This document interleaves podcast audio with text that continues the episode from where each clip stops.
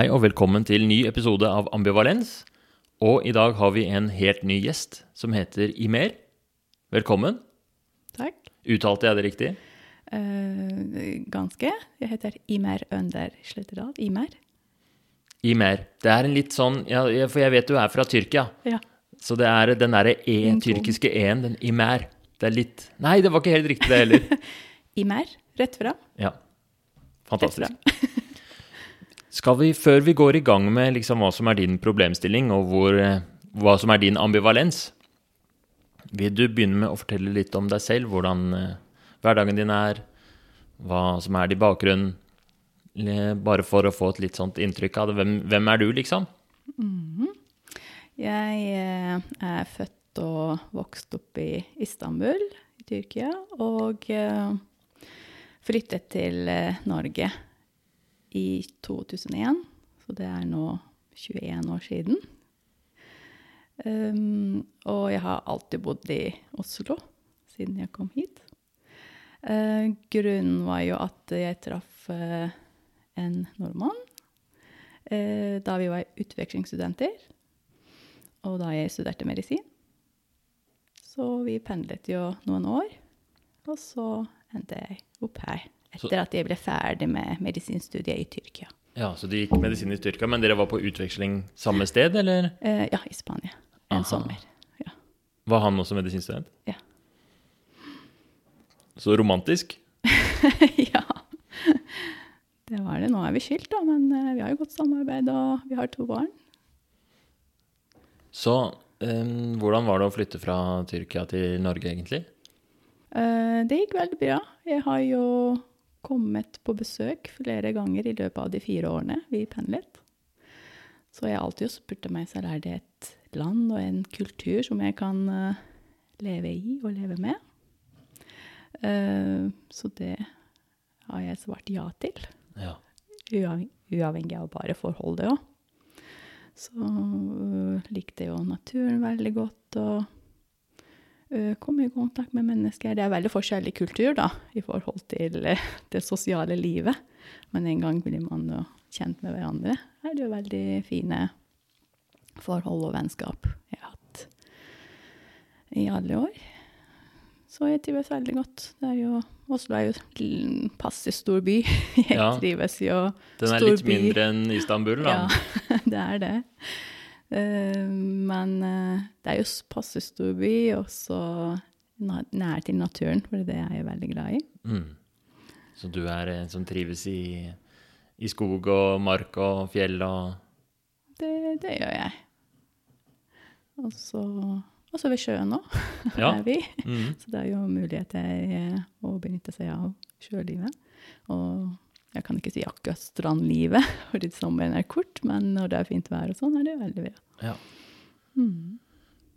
Og eh, du er utdannet lege, og vil du si litt om, eh, om jobben din? Mhm. Så jeg fikk jo godkjenningene etter at jeg kom hit og hadde turnustjeneste. Og så begynte spesialisering i barne- og ungdomspsykiatri. Nå er det lenge siden, 2006 begynte jeg, og så ble jeg ferdig i 2013. Så jeg spesialist i barne- og ungdomspsykiatri og jobbet for det meste på eh, OUS, Oslo universitetssykehus. Eh, etterpå jobbet jeg i allmennpsykiatrisk eh, avdeling på en eh, privat institusjon, eller ideell. Og så fant jeg ut at ja, jeg vil jo gjerne jobbe med voksne òg. Så begynte jeg spesialisering i voksenpsykiatri. Wow. Og så ble jeg ferdig med akuttjeneste, og nå er jeg i allmenn psykiatrisk poliklinikk. Ja. Så blir jeg ferdig neste år en gang. Men da har du mye erfaring både som lege og som i, med, fra psykiatrien, da. Ja, Så du det har, har jeg. det, du er ikke, det er ikke første gang du snakker med noen, for å si det sånn. Uh, Ja, men for det meste. Vi lytter jo, i hvert fall. Ja. Psykoterapeutiske sammenheng. Men eh, jo da, jeg er vant til eh, å snakke med mennesker. Men det er kanskje litt uvant situasjon nå når rollen er litt byttet?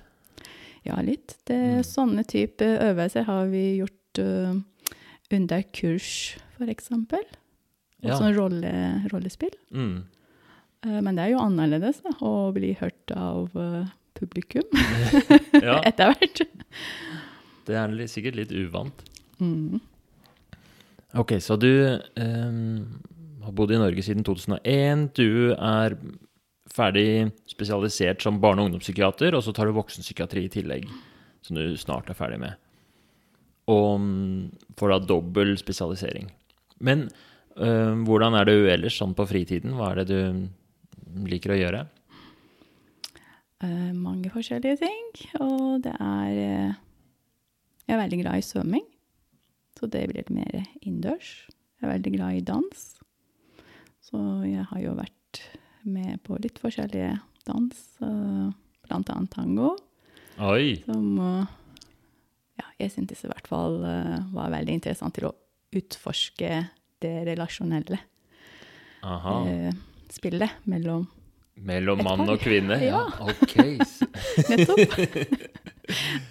så jeg er også familieterapeut, og så det var da egentlig jeg begynte med tango, for å forstå hvordan Ah, uh, relasjoner henger sammen, eller hvordan um, folk gjør relaterer til hverandre og knytter seg til hverandre, og hvordan finner man den, den gylne uh, avstanden med hverandre.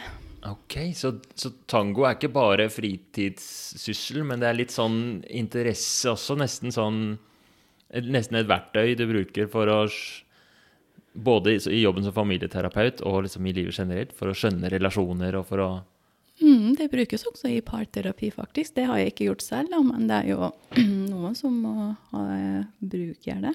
Å ja, hvordan da? Altså At, at liksom parterapeuten sender paret på tango, liksom? Og så Eller at det er en del av terapien? Det er en del av terapien, så vidt jeg vet. Også, øh, jeg, jeg- vet ikke helt, jeg bare kjenner jo til uh, tangolæreren som nevnte at uh, han har vært med på det med okay. en terapeut, så det blir jo liksom både Kjempe. instruktør og terapeut som på en måte hjelper et par. Veldig interessant. Ja, det er det. så man blir jo kjent med seg selv Ja. i møte med eh, eh, an, den andre. Mm. Hvordan kan jeg nærme meg? Altså, hvordan er det for meg å være så nær? Ja, det er, det er kjempespennende hvordan eh, forskjellige typer dans Også eh, kampsport. Og jeg har gått på sånn improteaterkurs også. Og selv om man tro, skulle tro at det er sånn man lærer seg én ferdighet, så er det så anvendbart i livet, liksom. Både Ja, så jeg, kan- jeg kan helt klart se for meg at eh, tango også kan være veldig sånn Man tror man bare danser, men så lærer man egentlig mye mer. Det er det. Ok. Mm. Så tidligere har jeg eh, løpt uh, maraton. Oi!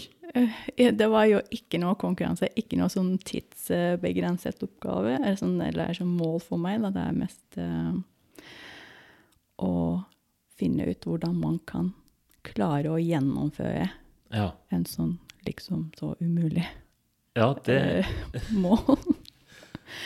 um, så jeg bare forteller det fordi at det er ikke bare hobby, men også å, en reise å bli kjent med meg selv, da, på Ja. en måte. Ja, for det forstå- sier litt om deg som person. At du, jeg har aldri løpt et maraton. Så det sier noe om en person at man har klart å gjennomføre en såpass Du beskrev det som en nesten umulig oppgave. Det var det i starten. Eh, og så jeg måtte bare finne også underveis. Hva gjør jeg nå for å få det til? Så det er jo forskjellig også hver neste gang, da. Ja. Når og hvor var det du løp maraton? Det var eh, i perioden mellom 2012 og 2018. Ok, så det var flere Det var flere. Det begynte i Oslo mm. først. Og så det har vært eh, selve Aten eh, maraton. Oi. Eh, og så Der i, i vuggen. Ja, det, er, det, er, det er virkelig der det skal løpes, liksom. nettopp vi våknet jo klokken eh, halv eh, seks, og så måtte jeg ta noen buss til selve mm, slagsmarket mark, i maraton, og så måtte jeg løpe til Aten. Wow. Det var jo fin reise. Fantastisk. Ok, jeg føler at vi danner oss et lite bilde av, eh, av deg som person, da. Skal vi begynne så smått å snakke om problemstillingen? Hva, Hva er grunnen til at du har lyst på et motiverende intervju eller en samtale om ambivalens? Mhm. Jeg eh, oppdaget at jeg er eh, verdensmester til å belaste meg selv med oppgaver. Det er ikke helt ukjent fenomen heller, okay. for leger kanskje. Mhm. Um, og så har jeg det vanskelig å si nei og sette grenser, og tenker at jeg har en ubegrenset eh, energi og uh, kapasitet til å engasjere meg i forskjellige prosjekter, også oppgaver i forhold til jobb, og plutselig blir det litt for mye. Og det kan være litt sent noen ganger at jeg oppdager at det blir litt for mye. Og jeg oppdager dem når jeg i hvert fall får søvnproblemer. Ok. Um, og så jeg har lyst til å lære meg å være flink til å eh, hindre meg fra å avlaste meg selv, og gjerne lære å Nei, belaste meg selv, og lære å avlaste meg selv. Ja. Du har lyst til Du har lyst på en endring i liksom Fordi, eh, så- sånn jeg forstår det, så har du en livsstil nå hvor du sier ja til litt mye ting, og overarbeider deg, og får søvnproblemer. Er det, er det sånn at du har søvnproblemer nå, eller hvordan um, altså, det som skjer, er jo at når jeg blir overbelastet, da blir det mindre søvn, mer spising. mm, Det er veldig sånn typisk Ja. Så hos meg. mindre søvn og mer spising er liksom tegn på at nå har du for mye på tapeten. Ja. Hva er disse tingene som du sånn typisk Eller når det var sist du sa liksom ja til en ting som kanskje du ikke burde gjort? Hvis du har noen eksempler. Mm, Ja, akkurat nå er jeg i en eh, litt sånn avlastningsperiode, fordi ca. i sånn eh, slutten av februar-mars-tiden har jeg på en måte kommet i gang med litt forskjellige prosjekter. Mm. Um, og det er ikke bare sånn jobben da, som uh, blir belastende, egentlig. Men det, altså jeg også blir veldig entusiastisk på mange forskjellige spennende Ja. ting som skjer rundt omkring i verden. Og så, ja øh, vil jeg gjerne være med på ting. Selvfølgelig. Mm. Det er, jeg kjenner følelsen Mm. av å Ja, for eksempel, jeg skulle øh, Ja, slutten av mars har jeg vært på en sånn tangokurs. Og det egentlig meldte jeg meg på tidligere i året. eh, hvor jeg tenkte OK, nå skal jeg glede, glede meg til det, og så slappe av og bare nyte dette det her. Men underveis har jeg satt i gang også flere ting som gjorde at akkurat noe som jeg skal, skulle kose meg med, kom i tidsglem, da. Ja, så Sånn. det som skulle være kos og avslapning, ble stress? Eh, ja, det prøvde jeg i hvert fall veldig bevisst å gjøre det slik at jeg kan nyte likevel. Mhm. Mm, Mellom uh, de stresstidspunktene, men, eller sånn periodene. Men ja, som sagt, jeg hadde ikke sånn lite pusterom, da. Ja.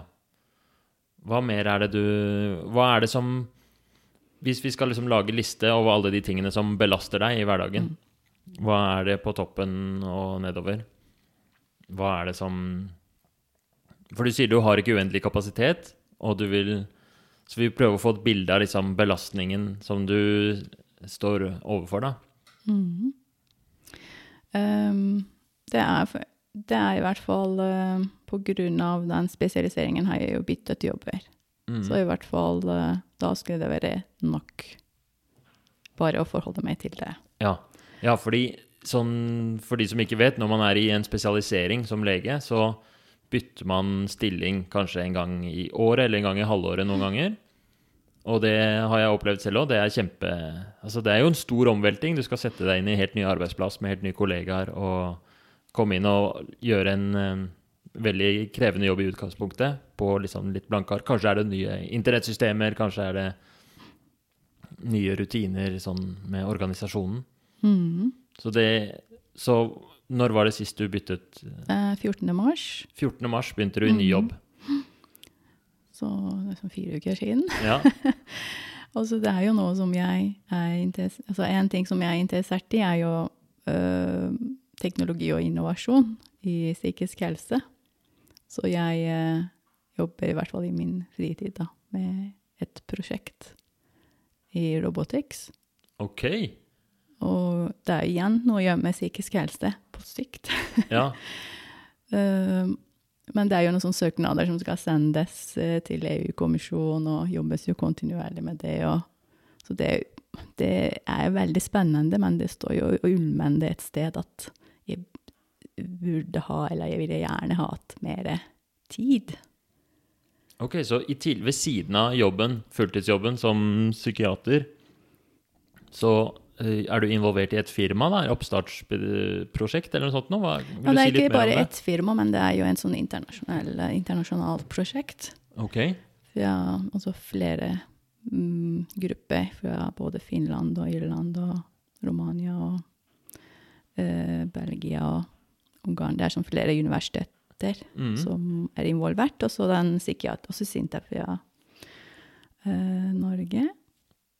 Så hva er din rolle der, eller hva er det du gjør for de? Jeg er jo den eh, klinikeren, er altså sånn psykiateren. Den jeg tar inn i det kliniske perspektivet.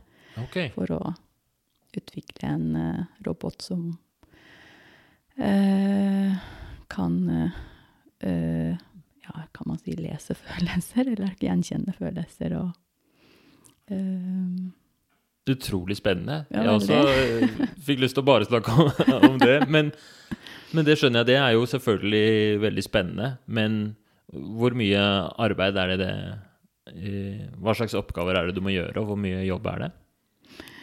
Så det er jo egentlig mye man kunne ha lest, mer enn Jeg bare finner ut altså Siden jeg ikke har så mye tid, jeg bare liksom leser veldig fort, og så ser igjennom også Bruker i hvert fall de kliniske kunnskaper jeg har, for å der og da bidra med til uh, utvikling av prosjektet. Mm. Men jeg vil jo gjerne også ha lest mye mer om Ja. det som finnes, og sette meg mer i litteratur. og det er litt sånn som uh, man har en sånn stipendiatstilling, ikke sant? Sånn 50 klinik, klinik, klinisk arbeid og 50% forskning. Altså det blir jo aldri lett å få det til. Det blir liksom mer enn 50 nå. Ja. Og nå har jeg fe- 100 klinisk arbeid, og så Det er ikke prosentvis det med andre prosjekter, men uh, det, det, tar, altså, det, det tar jo tid ja, selvfølgelig. som gjør at jeg på en måte altså, får ikke sove, fordi jeg vil jo gjerne ha lest mer om dette og forberede meg til det møtet, for eksempel, som Mm. vi skal ha dagen etter eller om to dager. Og så begynner jeg å lese om det, og så plutselig blir det flere til, sånn til sent over midnatt. Så, Så ja, fordi du, Er det grunnen til at du ikke får sove? Er det mest at du blir sittende opp og lese, eller er det at du tenker på at du ikke får lest? Um, det kan være begge deler. Mm. det kan være begge deler. Fordi altså, egentlig, jeg bare tenker mye at jeg burde ha lest, og Mm. derfor får jeg ikke sove. Da begynner jeg å lese, da. Ja, ikke sant? Og så sånn jeg har forstått det riktig, så ved siden av 100% jobben din, så har du en slags stilling eller et, eh, en, En, en slags hobby foreløpig. Det er for foreløpig, ikke en hobby. stilling noen sted. ikke sant? Det er bare ett prosjekt jeg har engasjert meg Så du har engasjert deg på en måte frivillig i et Ja. prosjekt, i en, en slags forskningsgruppe, eller en gruppe Ja. som utvikler um, en robot som skal bidra til psykisk helsevern på en eller annen måte. Etter hvert. Så, som jo er veldig kjempehot. Jeg gleder meg veldig til at em, maskiner det om, Når maskiner liksom kan lese følelser og sånt noe, for det er jo ikke alltid så flinke på selv. Og det er jo ofte derfor vi trenger psykologer og psykiatere til å fortelle oss at eh, det, ja, det virker som du er redd, eller det virker som du er Ja, nei eh, Utvilsomt kjempespennende, men jeg skjønner veldig godt at det er krevende, da. De der gruppene og møtene du deltar i, er det liksom veldig Er det sånn Er det Hva er det jeg er ute etter, da? Jeg lurer på liksom Er det mm, Sånn at hvis du kommer på det møtet og ikke har forberedt deg godt nok, det, hvordan går det, liksom? Det går egentlig ganske bra, alt i alt. Fordi jeg har jo ut ifra klinisk erfaring mye å bidra uansett. og så det er de som er ute etter. Mm. Men jeg tror jeg også kanskje igjen gjør ting litt mer komplisert enn det er, da. At jeg igjen belaster meg selv med tanken om at jeg burde få fått mer informasjon og oversikt og kunnskap. Ja, så det er mer sånn Det du tror er hovedproblemet, er liksom hvordan du håndterer den situasjonen, mer enn hva du faktisk At du bidrar med for lite. Så fordi du Mhm. kommer inn og bidrar med masse fra ditt kliniske perspektiv, Ja. men du har liksom følelsen av at du burde gjort enda mer. Eller Ja. du burde vært enda bedre forberedt. ja, men når du sier det, takk. det har jeg ikke tenkt på det sjøl, det der og da. Hva, mm, hvor, så hvis vi skal prøve å lage et bilde Mm. av liksom alt som belaster i mer er det, Hvor mye er jobben, hvor mye er denne, dette robotprosjektet, og hvor mye er andre ting? Og så andre ting er jo f.eks. at uh, jeg lærer meg spansk. Ok, Og så jeg i hvert fall gjør det via på en sånn uh, Hva heter det? App? eh, app. Er det Duolingo du bruker? Du? Duolingo, takk. Ja, ja, Nettopp. Så jeg må gjøre Altså, jeg får ikke miste stryk, ikke sant. Så det må du gjøre hver dag. jeg vil gjøre det hver dag, ikke sant. Og jeg vil se det som progresjon. Så det er den ene tingen. Og så nå vil jeg f.eks. Uh, ta båtførerprøven. Å ja vel. Og så Hva med Det er stadig sånne s- På en måte småting, men jeg bare Ja. tenker men Har jeg kapasitet? Har jeg tid til det? Og Jeg kjenner, meg jeg veldig lyst, jeg kjenner meg veldig igjen. Fordi ja, du har jo veldig lyst til alt dette, men om du har tid til det, det er spørsmålet. Og det spør jeg. Jeg fant ut at eh, her og nå at det er akkurat det som jeg ikke spør til meg sjøl. Nei, Jeg bare setter i gang. Ja. så jeg undersøker med meg selv, sjekker ut med meg selv. Mm. Så ok, så vi har flere prosjekter. Vi har spansk kurs på Duolingo. Vi har båtførerprøven. Er det sånn du har meldt deg opp og, går, eh, og leser til det, og så er det en eksamen? Eller hvordan er det det funker egentlig? Ja, i hvert fall. Jeg så jo det er noen sånn dagskurs over fem timer. noe sånt. Og man må jo lese litt sånn, eller lese den boka først, da. Og så Mm. gjøre et grunnlag, og så gå på det kurset. Og så eksamen samme dag. Og Ja. jeg er ganske mett av å bli øh, eksaminert. Du har blitt eksaminert mye i løpet av din karriere og din, ja. ditt, dine studier. Mm. Mm. Så Så belastning fra øh, jobben, hobbyprosjektet og disse tingene som du tar på deg. Er det noe annet som belaster deg i hverdagen? Um, ik- ik- ikke på den måten, men jeg sitter jo med det ans den an ansvarsfølelsen av å, være, og, av å være mor til to tenåringsdøtre. Ja, hvor gamle er de? De er 13 og snart 16. Det Eller er 16 til sommer. Ja. Hvordan, eh, hva er det som på en måte, Hvordan er det å være mor til to tenåringsdøtre? Hva Eh, innebærer det? Oi, godt spørsmål. jeg, jeg vet ikke. Mm. Nei, det er veldig spennende. Eh, Det er jo noe som man Altså, morsrollen er jo noe som man også lærer seg gjennom årene. Og eh, tenåringsfasen også har vært en ny fase for meg da, som mor, opplever jeg. Mm. At det er ikke barn nå lenger, verken små eller stor. Men de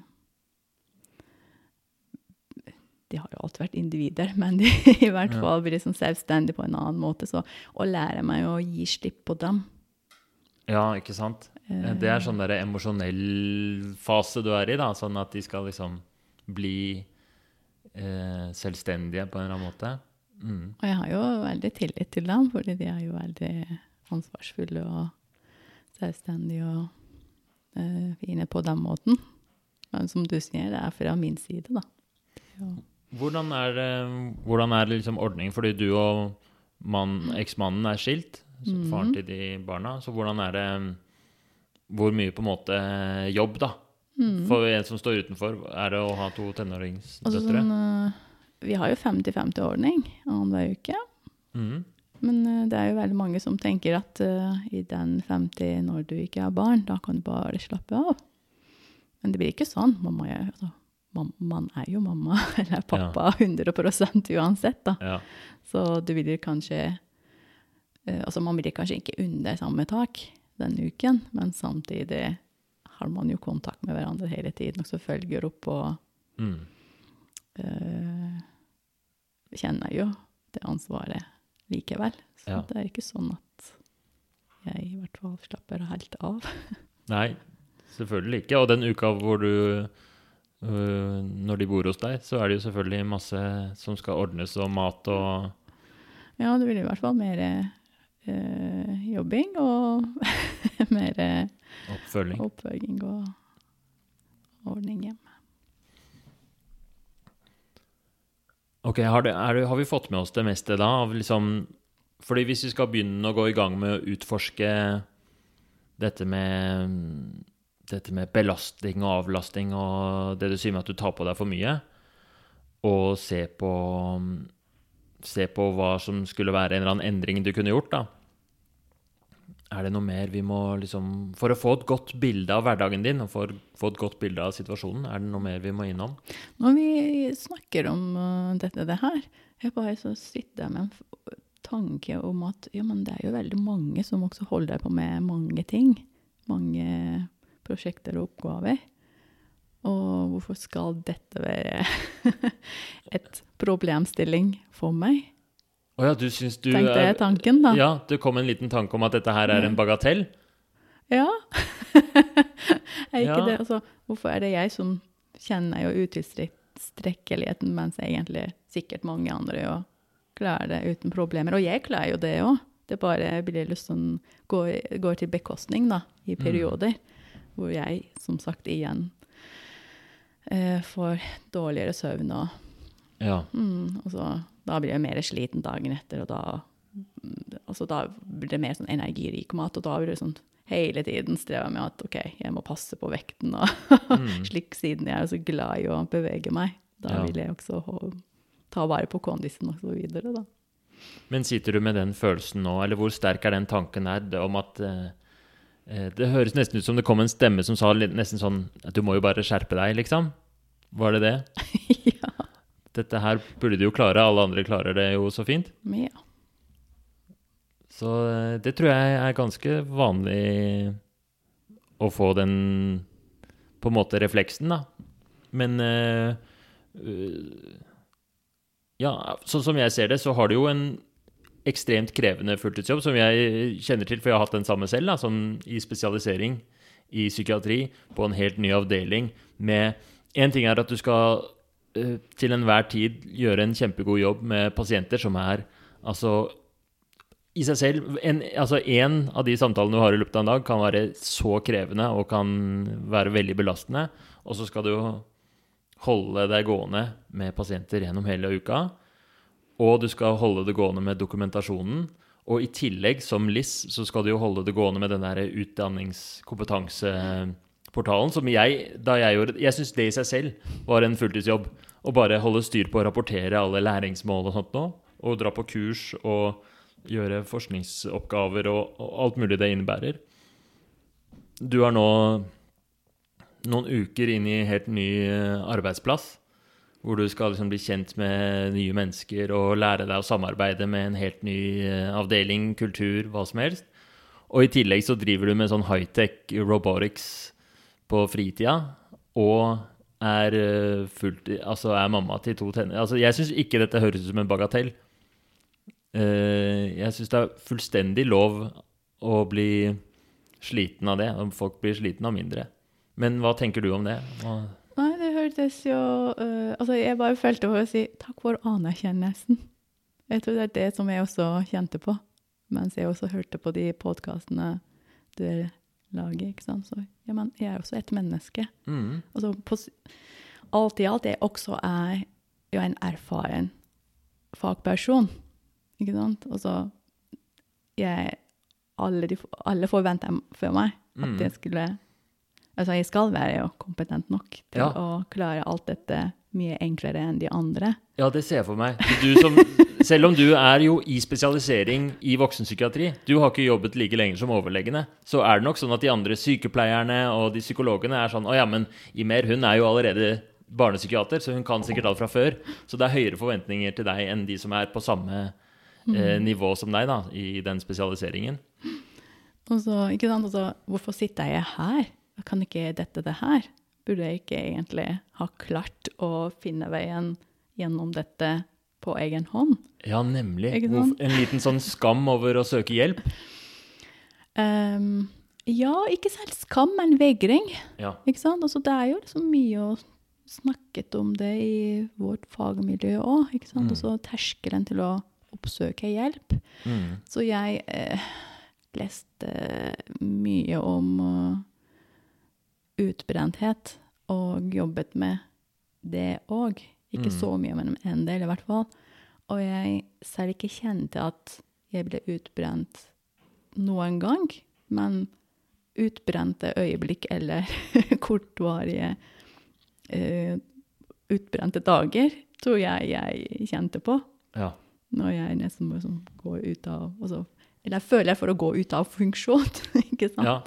Og, er sånn, ehm, og det gjør jeg, tror jeg. For da trekker jeg meg tilbake. Det kan jo også være litt sånn um, rart for andre nærme rundt meg, da. Fordi altså, hvis de ikke kjenner meg, altså de nærmeste jo kjenner meg, da, så de forstår at jeg nå trenger min egen tid Mm. for å lade opp. Ja. Så det, klarer du det? Og mm, hvis du blir sliten eller kjenner på at ting blir for mye, klarer du å trekke deg unna og ta deg pauser og Men det blir ikke som helt pause. Altså det, det blir som bare lagt an. Ja, det blir okay. automatisk. Jeg burde kanskje gjort det som sagt litt uh, i forkant, da. Mm. Før jeg kommer dit. Og sånn ta pause og, Mm. uh, på forhånd. Ja, for du kjører deg helt dit at kroppen skjøtter litt ned, liksom. Ja, du får ikke ja. sove, og du får, mister plutselig kontrollen over hva du spiser, og Mm. havner i en sånn, sånn spiral lite grann. Nettopp. Altså det at eh, jeg kjenner sånn Jeg spiser så mye at jeg kjenner vondt i magen som mye. Jeg vet, Oi, hva er det som skjer nå? Ja. OK, nå er det et fysisk konkret tegn til at jeg har over, overbelastet meg selv. Ja. Altså, hvorfor får jeg meg til dit?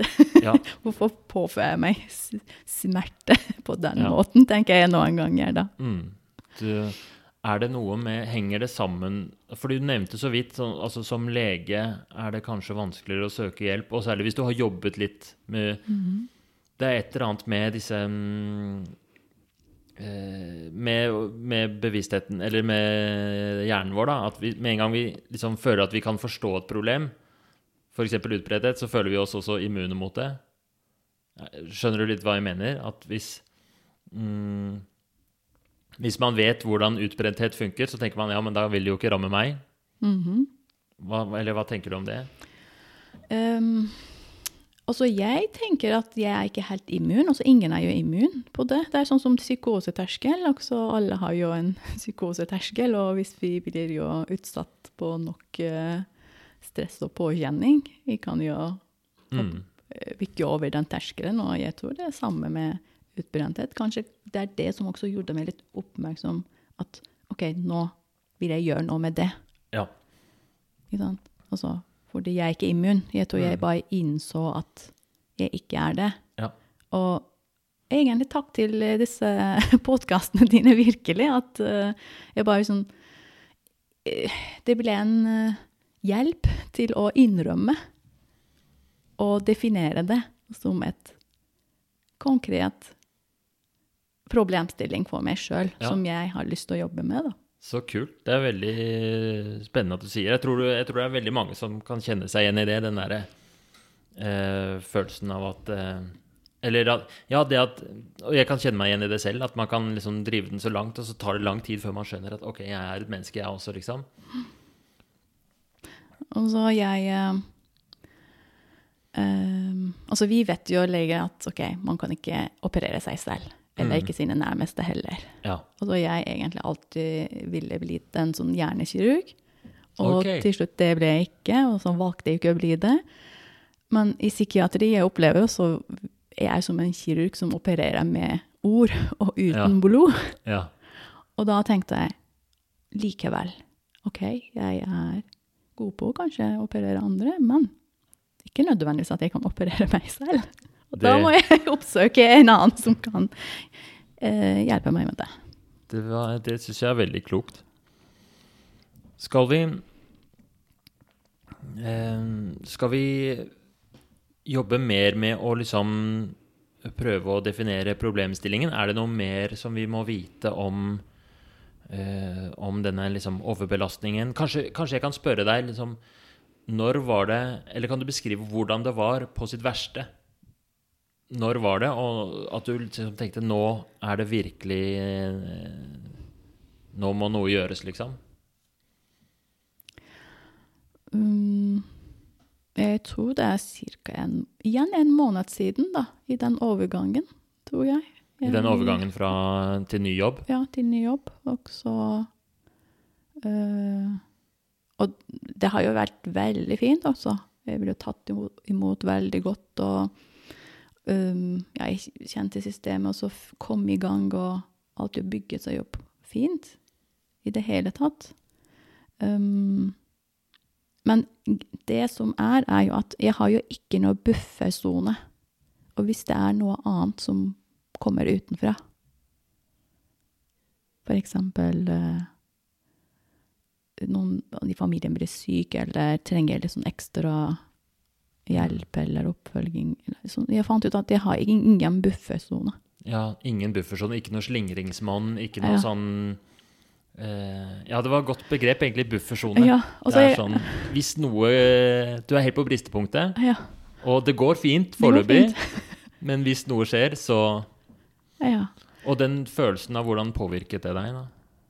Eller, ja, for du sier Kan du beskrive litt mer det der med søvnløshet og, og, Mm. og, og, og maten og sånt nå? Mm. Spisinga? Um, ja, som, altså i forhold til søvn Jeg bare har alle de tingene som jeg Altså det å være à jour er jo kjempeviktig for meg. Det er nesten liksom å føle at jeg har ryddet opp vært à jour. Det er en sånn utrolig fin, tilfredsstillende uh, situasjon for meg. Og så Det er veldig, veldig sjelden jeg er der. For det er sånn hoper opp, ikke sant, hele Ja. tiden. Med oppgaver til på jobben, og robotene og barna og Ja, så jeg vil jo være med venner, gjøre ting Ja. med venner, også sosial, også ja, lære meg liksom det språket. Ja, du må ikke miste det, den streaken mm, ikke sant? miste den streaken. Mm. Um, vet du hva, det er sikkert noen andre små ting òg, ikke sant? Uh, um, så i hvert fall da har jeg de tankene. Mm. At jeg skulle ha gjort, ikke sant? Notater som jeg skulle ha blitt ferdig med epikrisa. Jeg skulle ha skrevet, med, skrevet ferdig og så fått ut, og så videre, ikke sant? Og så i tillegg alt som jeg altså skal gjøre for uh, pasientene, ikke sant? At de skal ha en god oppfølging. Det jo veldig sånn stor ansvarsfølelse hele tiden. Mm. Så jentene mine har det bra, og så videre. Nei, altså da blir det i hvert fall uh, Som sagt, jeg også i hvert fall leser og skriver og gjør de tingene, men da blir det veldig kort søvntid. Ja. Og så jeg er jo veldig sånn morgenmenneske, så jeg har ingen problemer å våkne opp tidlig i tillegg, uansett når jeg legger meg. Bare sånn kort ja. Hvor kort søvntiden, På det verste, liksom. Hvor lite søvn fikk du per natt da? Tre-fire. Tre-fire timer. Ja, Så altså, du blir jeg- sittende oppe til klokka To-tre. Og så vanligvis egentlig jeg legger meg jo tidlig. Altså Mm. jeg har mest tidlig oppvåkning. Ja. Jeg egentlig legger meg litt sånn til elleve, og så våkner jeg opp sånn fire-tiden. Mm. i det beste, ikke sant? Så va vanligvis er det sånn. Uh, så hvis jeg i hvert fall uh, er våken frem til to, da blir kan det være sånn både helt fem og seks og ja. Så da blir det to, tre, fire timer søvn? Nei, eh, to-tre blir det ikke sånn, i hvert fall uh, sånn ja, tre-fire er Ja. det minste. Ja. Um, altså jeg aldri sovet mer enn sånn seks timer uansett. Mm. I det beste. Ja. Uh, Sjelden gang. Veldig sjelden gang. Da, da er jeg veldig avslappa. Mm. Da er ingen tanker i hodet. Ja, det er en Da er det, da er det nirvana. Ja. Og så dagen etter, som sagt, siden jeg ikke har energi, ikke sant, og så da eh, klarer jeg ikke sånn planlegge Ikke bare dagen etter heller, men siden jeg har det så hektisk, klarer jeg, jeg klarer ikke sånn planlegge godt nok da hva jeg skal spise og sånn. Og det blir litt sånn hultere-vultere av sånn hva jeg spiser, og Mm. gjerne foran skjermen og sånn. ja. Veldig lite mindful eating. Mm. og det liker jeg ikke. Nei. Så da både får du ikke det kostholdet du vil ha, og så er du irritert på at du ikke Ja. spiser på en måte som er til forventningene dine, liksom. Altså, jeg vet hva jeg trives, trives med med meg Mm. selv, og Mm. hvordan. Og hvordan kan jeg få den mer sånn kontinu, kontinuitet i det, da. Ja. I den uh, versjonen. Det er din bestilling. ja. Mm. Ja, jeg, jeg skjønner. Dette er sånn veldig fr- frustrerende. Det høres jo ikke helt Det høres jo ikke sånn Det høres jo ut som Jeg skjønner godt at du har lyst til å gjøre en endring, for det høres veldig vondt ut. Den derre natta hvor du sover tre-fire timer, og så opp, og så er, Spiser du andre typer mat også, eller er det det samme, eller hvordan Nei, det ender jo, så jeg sier totalt, ikke sant. Vanligvis jo egentlig veldig glad i sånn uh, små og flere, små porsjoner av flere retter. Så jeg kan Mm. lage en sånn eh, nesten sånn åpen buffé-aktig okay. målrett. Ja. og kan bruke jo flere timer til å nyte det. Eh, men ellers spiller det rett på sånn karbo og liksom mer bakevarer og Ja. Hva er favoritten da på det Eller hva du Hvis du har en sånn skikkelig dårlig dag, eller på det verste nå i mars, da, hva var det, det, hva var det du spiste da? Um, altså akkurat nå jobber jeg på uh, et sted som er veldig nær til en sånn uh, bakeri. En sånn, sånn t- tysk bakeri, da. Som har sånn ferskvarer. Mm.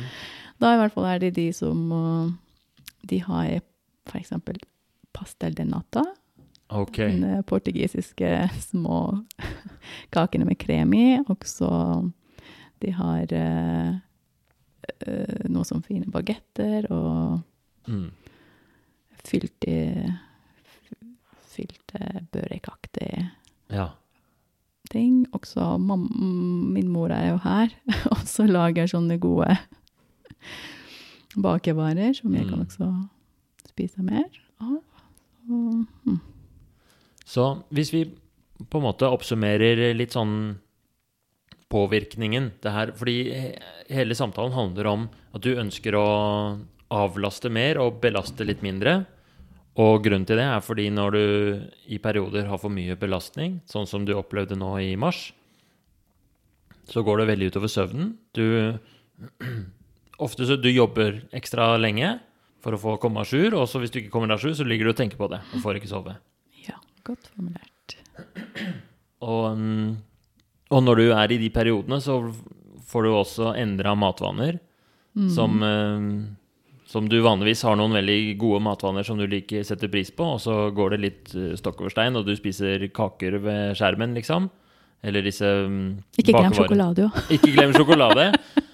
Og, og hele dette her um, em, Kan du si litt mer om liksom, hvordan det føles? Hvordan, eh, hva du, hva, hvilke tanker du får, og følelser og sånt? Og hvordan i disse periodene? Er det, er det mørkt, liksom? Eller er det lyst? Eller hvordan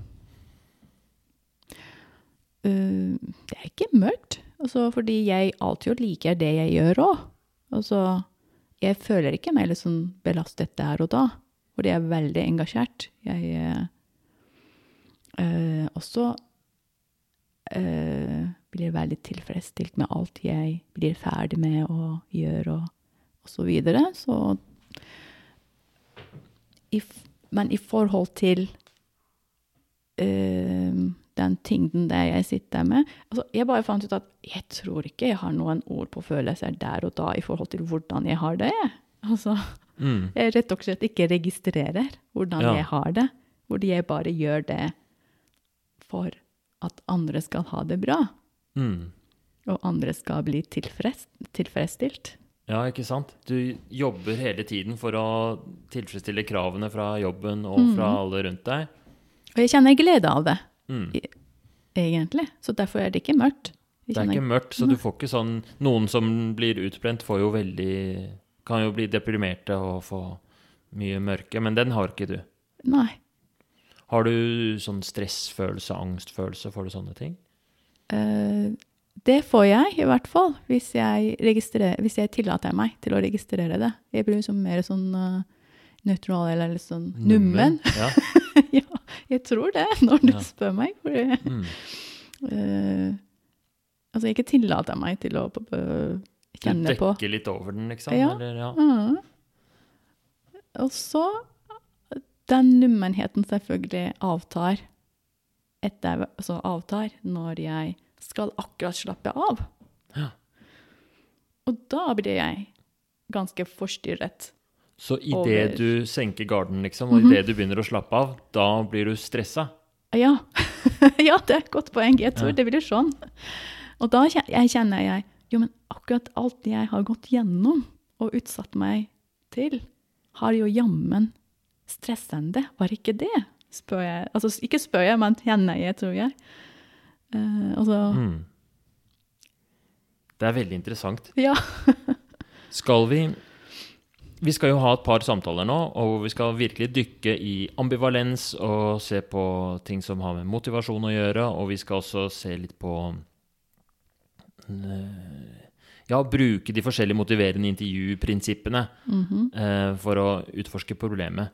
Men sånn i første omgang nå, da, skal vi Det som vi er ute etter, er jo å prøve å finne og konkretisere hva utgjør liksom den endringen du er ute etter.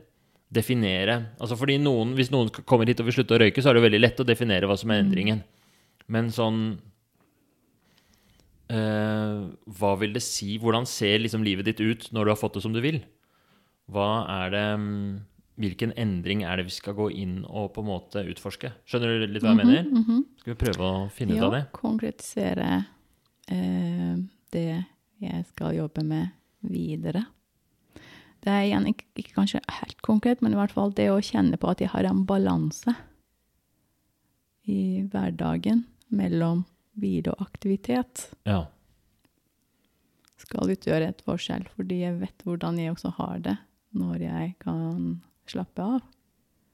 Og hvordan er det?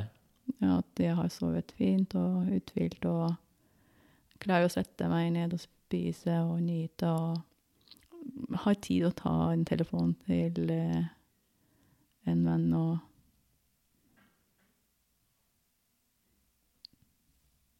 Jeg tror jeg må bare ta det som fra dag til dag fremover, og så øke bevisstheten Mm. i hver eneste dag. Ja, for hva, mener du med det når Ja. du sier sånn øke bevisstheten? på hva jeg gjør, og hva jeg skal gjøre i dag. Mm. Um, altså når jeg i hvert fall planlegger, kanskje sånn planlegge dagene og livet bedre. Mm. Jeg skjønner hva du mener. Altså, du beskriver sånn det, Den endringen du ønsker å gjøre, er å planlegge bedre, fordi da får du mer liksom, oversikt, og da kan du kanskje få den der følelsen av å være a jour, som du er veldig glad i. Mm, altså jeg planlegger veldig mye nå, Mm. men også um, Jeg må ikke Altså, jeg også alltid lager liksom, Klarer ikke å si nei. Ja. Og da jeg har en plan som jeg tenker ok, det er det jeg kan gjennomføre i dag, og det er jo allerede for fullt. Så det er én ting er jo å lage disse dagsplanene overkommelig Mm. og ikke overfylt. Og så når det kommer ekstra ting, da må jeg ikke prøve å plotte dem, plotte inn alt. ja. Si nei til ting. Si- Mer, til, til, sette mer grenser på hva du sier ja og nei til. Og hva slags forespørsel er sånn typisk forespørsel du har fått i det siste som, som du endte med å si ja til, som ble mer belastning? Kan du komme på noe?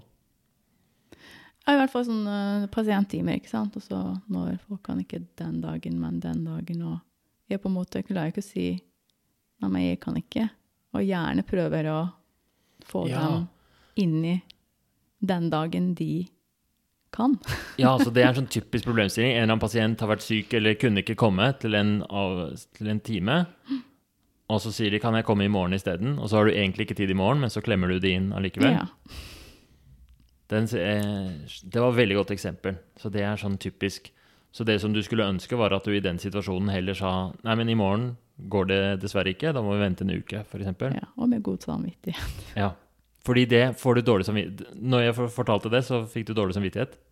Ja, fordi det tenker jeg jo kan lider, altså Den personen jo lider, så jeg vil ikke at den personen skal lide.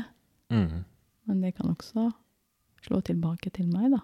Ja, At jeg kan lide av det Ja. å sette meg i det klemma. Nå i hvert fall kjenner jeg sånn Å, så flaut, faktisk, at jeg som er så erfaren psykiater, klarer jeg ikke å planlegge i hvert fall dette å sette grenser og si nei, mens jeg jobber med å lære det bort til andre. Ja.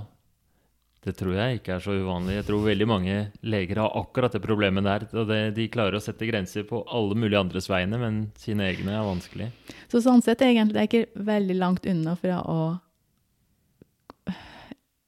slutte å røyke heller. Det er jo Og så plutselig jeg bare tenkte på Det er jo noe belønning jeg sannsynligvis får ut av eh, det jeg gjør, da. At når jeg, Som sagt, jeg sa jo i sted at jeg får glede av å tilfredsstille andre. andre. Mm. Og når jeg ser at de har det bra, Mm. og de blir fornøyd, da blir det en belønning for meg. Ja. Og mitt belønningssystem blir jo stimulert på den måten. Derfor blir det kanskje vanskelig å kutte ut og eh, gjøre det jeg gjør. Denne atferden. Det blir en slags dårlig liksom, vane for meg òg. ja. Det, det gir mening, det, at det blir en sånn ja, et belønning. Fall, det er i hvert fall komfortabelt å bare si Og det er noe med identitet der også. Det er komfortabelt å bare ta den derre ekstra ressursen man har av seg selv. Det er ukomfortabelt å, å kreve at pasienten går til en uke seinere. Ah, ja. Eller å spørre noen andre. Ja, da må du gå til Da skal jeg, må jeg høre med en av de andre listene om de kan Det er mye lettere å bare ta alt på seg sjæl, altså bruke av sin egen ressurs, som kanskje ikke er så uendelig som man tror det er og da. Ok, litt sånn oppsummering igjen, da. Du har um, et uh, prosjekt som handler om å bli flinkere til å regulere eh, hvor mye du tar på deg, og hvor mye du belaster deg. Og fordi sånn som det er nå, så blir det ofte veldig mye belastning, lite hvile, og du kan kjøre deg litt sånn eh, på stumpene energimessig.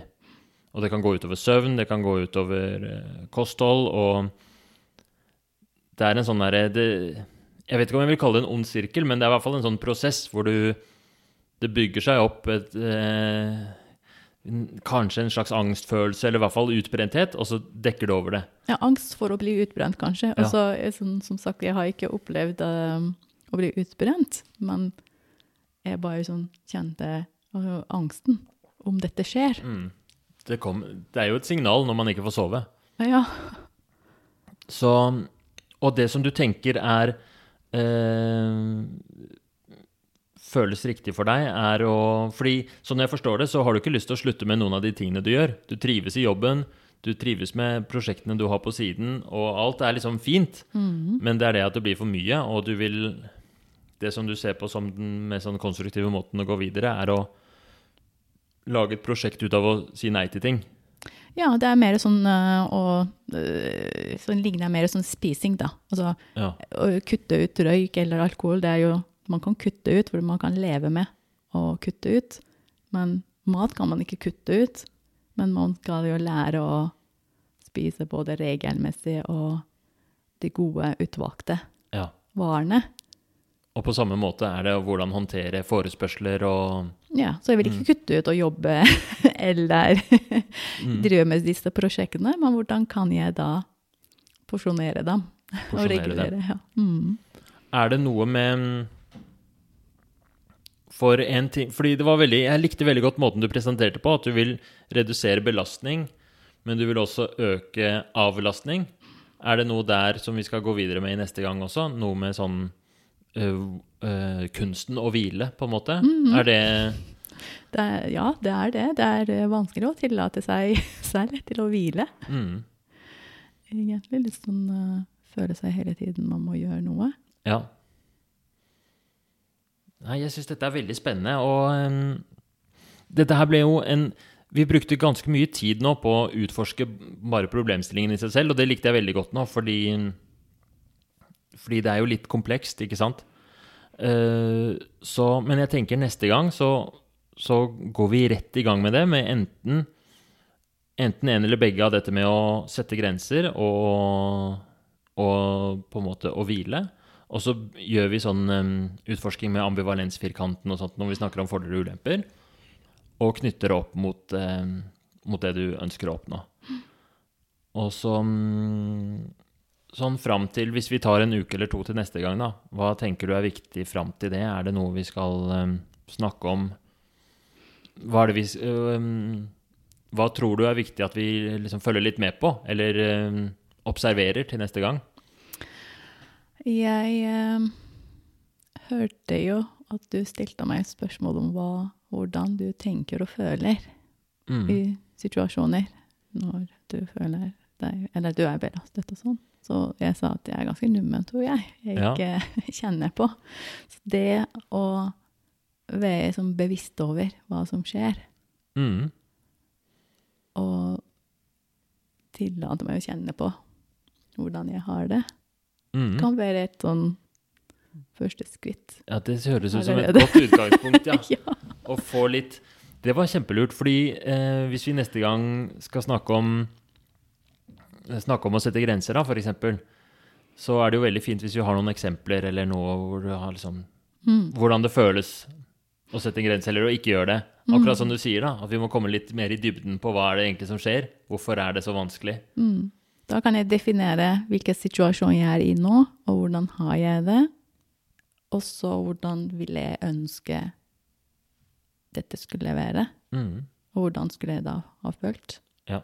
for eksempel. Sånn kje- At Jeg tenker på forskjellene. Mm. Spennende. Ja. Vi, um, jeg liker veldig godt dette prosjektet, og jeg gleder meg til fortsettelsen. Og jeg tror Jeg tror det kan være veldig mm, nyttig både for, eh, for deg i din situasjon, men også for de som hører på, å komme litt til bunns i liksom, hva er det som gjør at vi overbelaster oss selv, og hvordan kan vi eh, hvordan kan vi eh, klare å, å gi kroppen litt hvile også? Mm.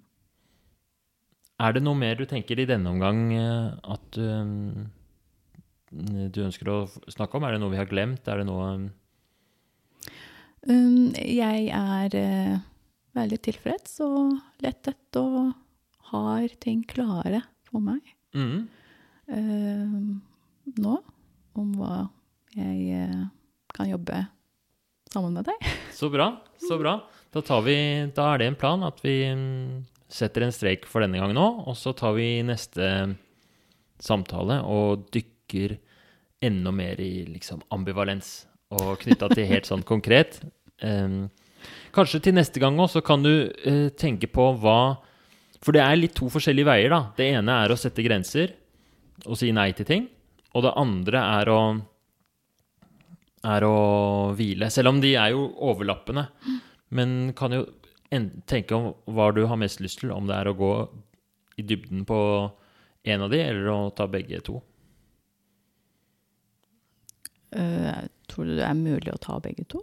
Ja, vi får til det. Altså det, vi kan, det kan vi eh, se litt an. Vi kan, du kan i hvert fall tenke over hvilken du vil begynne med, da, og så kan vi se om vi kan eh, flette de inn i hverandre. Det kan jo jeg også tenke litt på. Det kan jeg. Det kan Mm. jeg. Vi skal tenke på det. All right. Flott. Gleder jeg meg. Takk for at du ville komme, og så ses vi om en um, ukes tid eller noe sånt nå, etter påske. Flott. Takk for meg. Ha det bra. Ha det. God påske. God påske, alle sammen.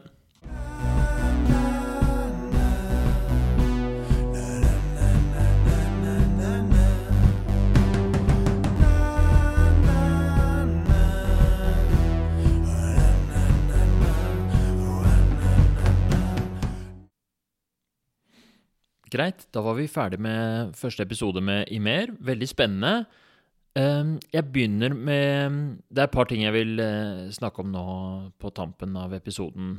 Uh, for det første, sånn rent motiverende intervjuteknisk, så er jo dette her en problemstilling som er litt på siden av det som er vanlig for motiverende intervju. Motiverende intervju så tenker man først og fremst på livsstilsendring, ikke sant? Og gjerne de derre øh, um, Slutte med, med, rusmidler, eller trene mer, mer sånn mer sånn konkrete levevaneendringer. Kosthold, eh, ta medisinene sine, sånne ting.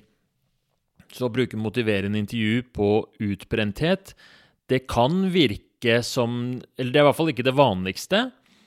Og eh, det er jo litt sånn et paradoks at uh, hvis man, er, hvis man er liksom, har tendens til å ta på seg for mye, man, trenger man egentlig da motivasjon? Man da Burde man ikke da hatt et demotiverende intervju, egentlig?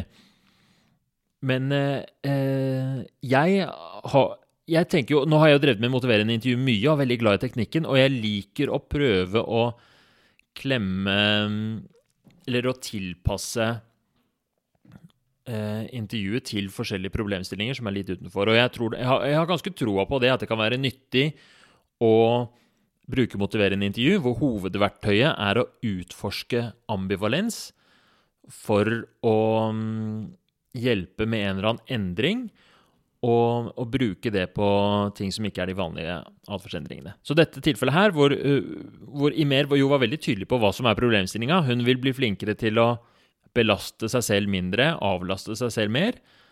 Og, så, så det, jeg tror det er en fin anledning for å bruke et motiverende intervju.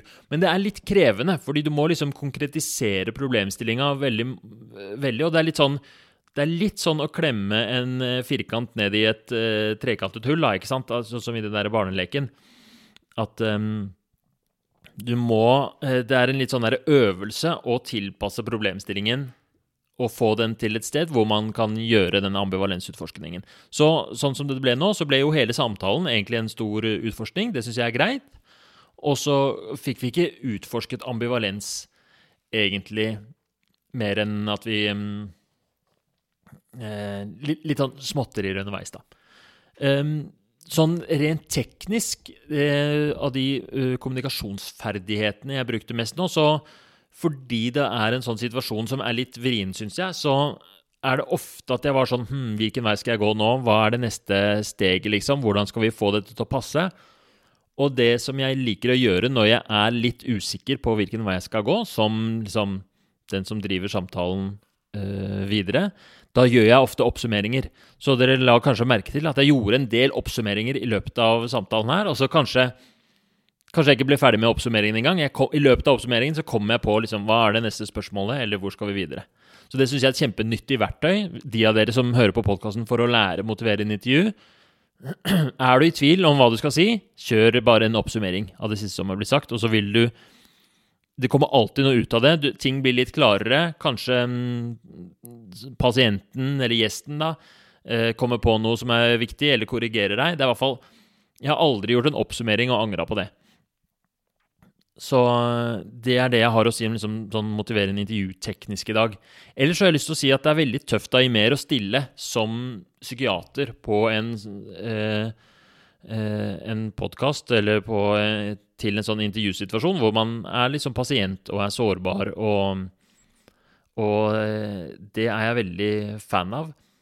Det er så fort gjort å liksom og tenke at ja vel, siden jeg er ekspert på å behandle psykiske lidelser, så kan jeg bare skjerpe meg og tenke meg ut av problemene mine. Og det, og det gjelder ikke bare leger, men jeg tror det gjelder veldig mange. At man har, man har, så tendens til å overvurdere sin egen evne til å tenke seg ut av problemer, eller tenke seg um, Og hun sa det jo òg, at hun underveis fikk den der følelsen at jeg må jo bare må jo bare skjerpe meg, liksom. At det, det, det kom liksom den derre den der, eh, hun har lyst til å liksom kalle problemene sine en bagatell og si til seg selv ja, dette, dette her er ikke noe problem, dette må du bare skjerpe deg, det er bare å, å, å fikse det. Og noe av den um, noe av det vil, det vil alltid komme det i et sånt motiverende intervju. så vil det komme litt av den, og Noe av det er jo på en måte litt motiverende. Kan jeg ikke bare sette i gang med det? Men jeg tenker det er viktig at jeg som, eller vi som eh, samtalepartnere da, anerkjenner at dette problemet er ikke en bagatell. Å få fram hvor viktig det er, da. Og, og altså Imer, som så mange av oss, sliter litt med å regulere energien sin eh, i livet. Og det er ikke rart, fordi det er kjempevanskelig. I hvert fall hvis man er en person som lar seg engasjere av ting. Som ser et prosjekt med roboter som skal bidra i psykoterapi, og tenker 'shit, det har jeg lyst til å være med og bidra til'. Så det var kanskje det mm, øyeblikket i samtalen som fungerte best, var jo der når mm, når, eh, når, når uh, Imer fikk liksom snakket om at uh, Eller fikk den derre erkjennelsen om at hun er et menneske, liksom, og det er lovlig og gyldig å, å, å søke hjelp og å ha lyst til å Eller å trenge den derre hvilen, den avlastningen jeg tror det at for uh, Altså, når, man begynner å sove tre timer på natta, og når man begynner å komme ut av rutinene sine, og man har den der følelsen at nå er det helt på bristepunktet Hvis det skjer en liten ting nå, så rakner alt, liksom. Um, selv om han Hun har liksom en tendens til å bagatellisere litt, ikke sant? Og det er ikke så farlig, det går jo fint, og jeg trives så fint på jobben, og alt er bra, liksom. Så er det, det er en kjempevanskelig situasjon, og den er, den er viktig å ta tak i. Så det er så Poenget mitt er at det er så bra at eh, Imer har, eh, har eh, på en måte spurt om hjelp, da. Så det at hun gjorde det i denne podkasten, eller om det hadde vært hvis hun spurte om råd fra en venn, ikke sant, det er jo litt det samme, men, men uh, veldig fint at vi også får høre på det, for jeg tror mange har godt av å av den samme erkjennelsen, den der at uh, vi er bare mennesker, og uh, det blir vanskelig noen ganger, og da må vi søke hjelp. Det gjelder alle, det gjelder også helsepersonell. Ålreit, jeg håper dere likte episoden. Og eh, ønsker dere en god påske, og så blir det en oppfølging med Imer om en drøy ukes tid. Det var jo også litt morsomt da vi skulle avtale neste, eh, neste episode, og så mm, sa hun ja, vi kan ta det onsdag 13. eller mandag 18., og så så vi på den onsdag 13., for det passa bra for meg også. Og så ja, jeg er ferdig på jobb klokka fire, og så er det et fly som går på kvelden der, da skal jeg på ferie. Og så innså hun jo at det her var jo så typisk henne, da å prøve å på en måte tilpasse og tilrettelegge sånn at hun uh, kunne være på en måte flink og få gjort det intervjuet den 13., når hun egentlig jo ikke hadde tid overhodet. Det, det, er liksom siste dagen før påskeferie, og så skal hun uh, klemme inn et intervju rett før flyet går. Det, så all kreditt til hun da, hun fikk jo til det, og si sånn, vet du hva, faktisk, det går ikke den 13., vi tar den 18. Så den 18. kommer det en ny episode med i mer. Det er bare å mm, vente i spenning. Ha det bra.